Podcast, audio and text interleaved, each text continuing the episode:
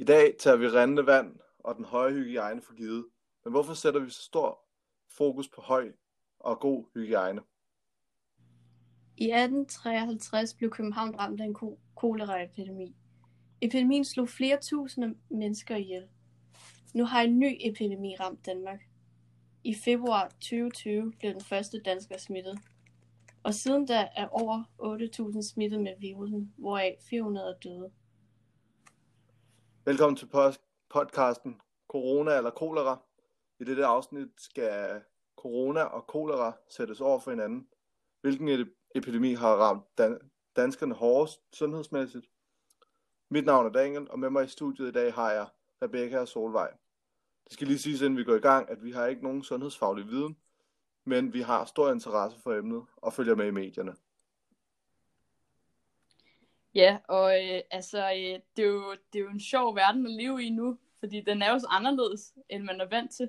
Ja. Øh, vi sidder hver for sig, og øh, det, det er helt anderledes. Altså, hvis man kigger på for to måneder siden, så var det jo noget helt andet. Mm-hmm. For eksempel går man ikke rundt og krammer overhovedet mere, når man mødes med hinanden. Nej, og man, man holder afstand og sådan noget. Altså, det er jo, øh, man er jo vant til den her nærhed, og det er der bare ikke mere. Øhm, og man må sige, det er også lidt sjovt at kigge på, øh, som så der er kolera, som, som også er en, en epidemi, øh, på samme måde som, som coronaen. Øhm, men, øh, men dengang i, i 1853, der havde man jo nogle sådan helt andre vilkår. Man vidste jo faktisk ikke så meget om, øh, om virus, som man, som man gør i dag. Altså, man kendte jo ikke til, til DNA eller, eller bakterier, eller hvorfor bakterier fandtes, eller om de fandtes. Øhm, og, øh, og det var jo det, der, hvad man siger, måske også har været skældsættende for, at, at vi i dag har så meget viden omkring coronaen, selvom den selvfølgelig er svær at stoppe. Ja, altså vi har jo, i forhold til øh, koleraepidemien, har vi jo haft kendskab til mikroorganismer og DNA og kortlæggelse af DNA'et. Så øh, det, der gik jo kort tid efter, at man ligesom havde opdaget den her coronavirus, at man øh, sørgede for at få kortlagt DNA'et bedst muligt, men det kunne man jo ikke i gamle dage. Altså, man kendte jo slet ikke til DNA-begrebet øh, i forhold til mikroorganismer. Mm. Men øh, til gengæld så havde man også nogle ligheder på de punkter øh, fra, fra, fra fortiden og så til i dag. Altså især det her med enighed om dårlig hygiejne. Vi har jo så bare ikke så meget dårlig hygiejne længere. Vi har mere øh, fokus på hygiejne. Hvor at i øh, gamle dage, der havde de jo øh, afføring med mere rende øh, på gaderne, og det øh, stod over det hele jo. Men det var en enighed, man havde, at vi også i dag ved, at vi skal huske at spritte af og tage forbehold, når vi øh, går ind i supermarkederne osv.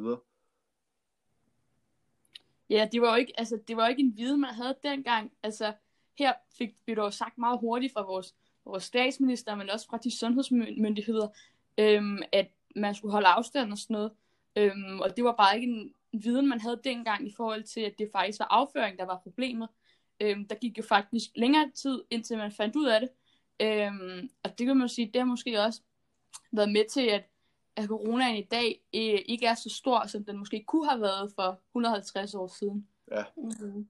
Ja, altså for dengang, der, da man ikke kendte til al den her viden, så holdt man sig i stedet for til teorierne.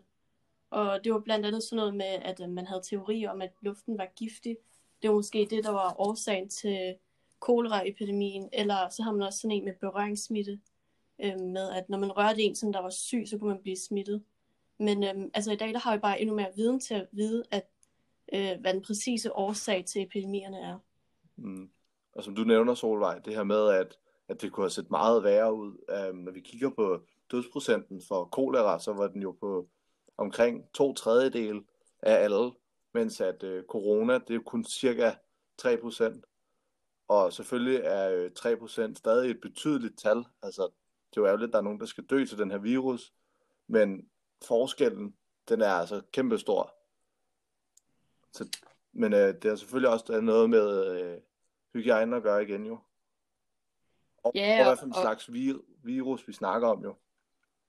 Præcis. Øhm, ja, øhm, man kan også se, hvis man sammenligner hvad man siger, de forhold, der er i byerne, Øhm, så øh, København er jo en, en, en anden by, end det var for, for 150 år siden. Der er, der er lagt øh, kloakker øhm, og så videre, så, så en kolera-epidemi vil nok, nok aldrig kunne komme til København igen, fordi vi simpelthen har så, så, så høj fokus på, på hygiejne, men, men kolera, det finder man jo stadig i, i tredje verdens lande, Mm.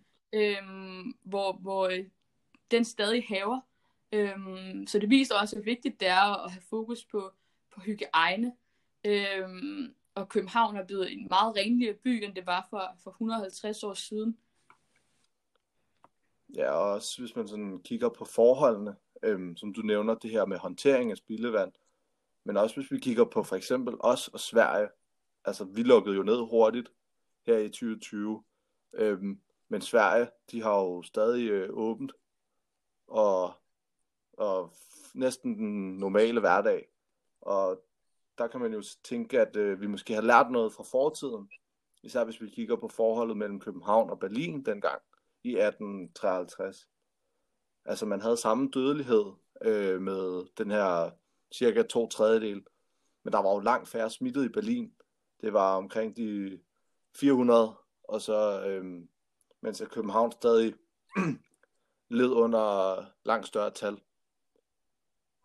Ja, og det, det faktisk også er ens, det er, at, at de især også, de begge epidemier rammer, øh, rammer øh, gamle mennesker rigtig meget og ældre mennesker. Øhm, det er jo både noget her, man sidder i coronaen, at faktisk øh, øh, majoriteten af dem, der dør af virusen, de er jo, de er jo ældre mennesker, og, og jeg mener, det er en, en fjerdedel, der faktisk er plejehjemsbeboere, øhm, og det var jo det samme, man så med koleraen.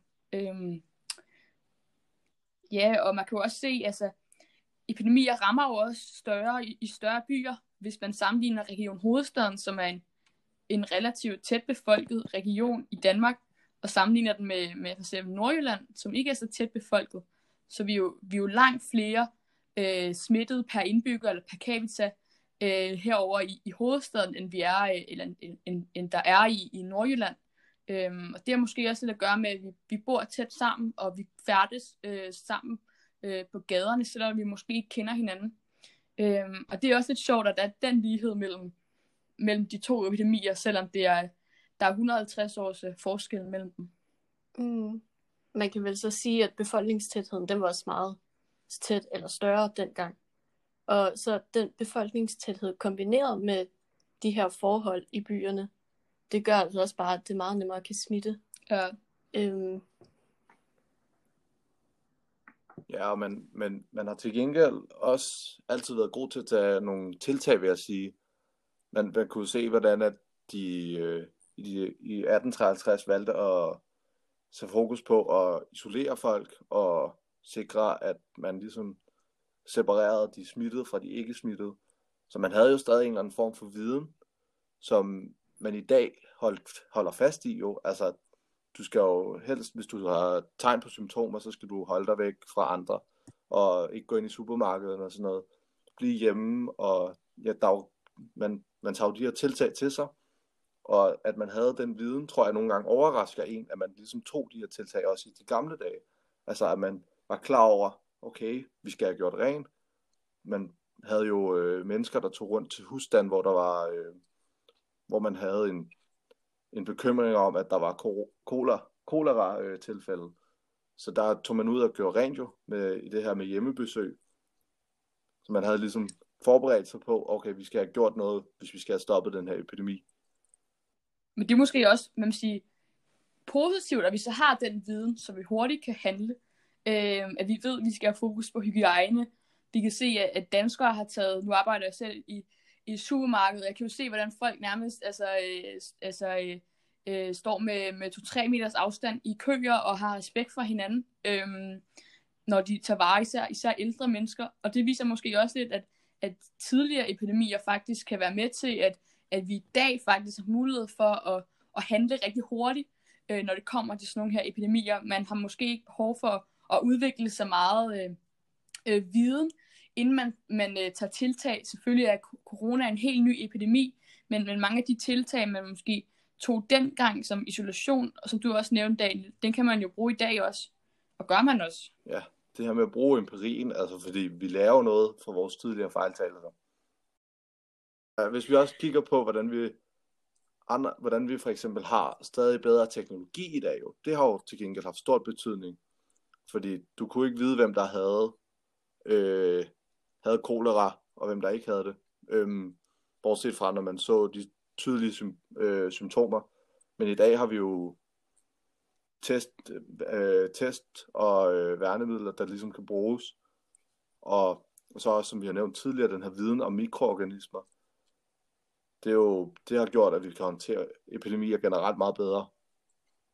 Mm, der, Mhm. der, Men dog har globalisering så også givet en udfordring for spredning af, og gjort noget for øh, muligheden for pandemier. Altså, vi er jo lige nu i en, i en situation, hvor vi øh, har en pandemi, der øh, lurer og koster meget. Men det, øh, men det havde, det, samme mulighed havde man jo ikke dengang. For ligesom at rejse med et fly fra Kina til Danmark på dage, øh, endda mindre end det. Ja, man har også set i Danmark, altså selvom vi er, er, er højteknologisk land, øh, på mange måder øh, altså en af verdens førende lande inden for de felter, øh, både, og, og har en af verdens bedste øh, sundhedsvæsener, så har man jo også set, der har været, øh, været mangel på, på både testkits og, og værnemidler i, i det danske sundhedsvæsen, men også værnemidler til, til folk, der er i, i tæt kontakt med, med den risikogruppe, der er.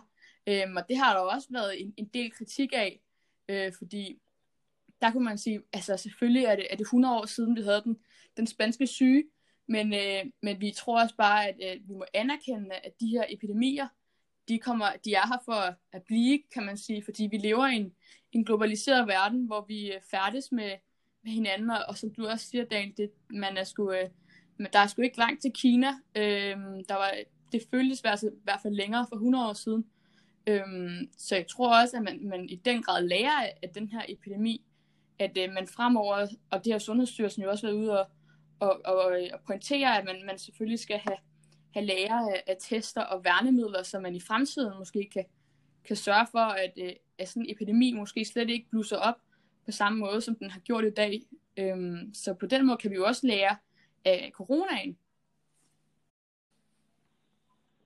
Okay, så vi kan konkludere, at øhm, koleraepidemien for den gang, den har ligesom også gjort, og også andre tidligere epidemier, de ligesom forbereder os på fremtidige epidemier, ligesom den, som vi er i nu. Og vi kan også se, at øhm, ja, selvom det ikke er den samme virus, har vi jo også et langt øh, mindre dødsprocent. Ja. Men altså, vi ved jo aldrig, hvad der kommer til at ske i fremtiden, og vi kan aldrig være 100% forberedt på en pandemi.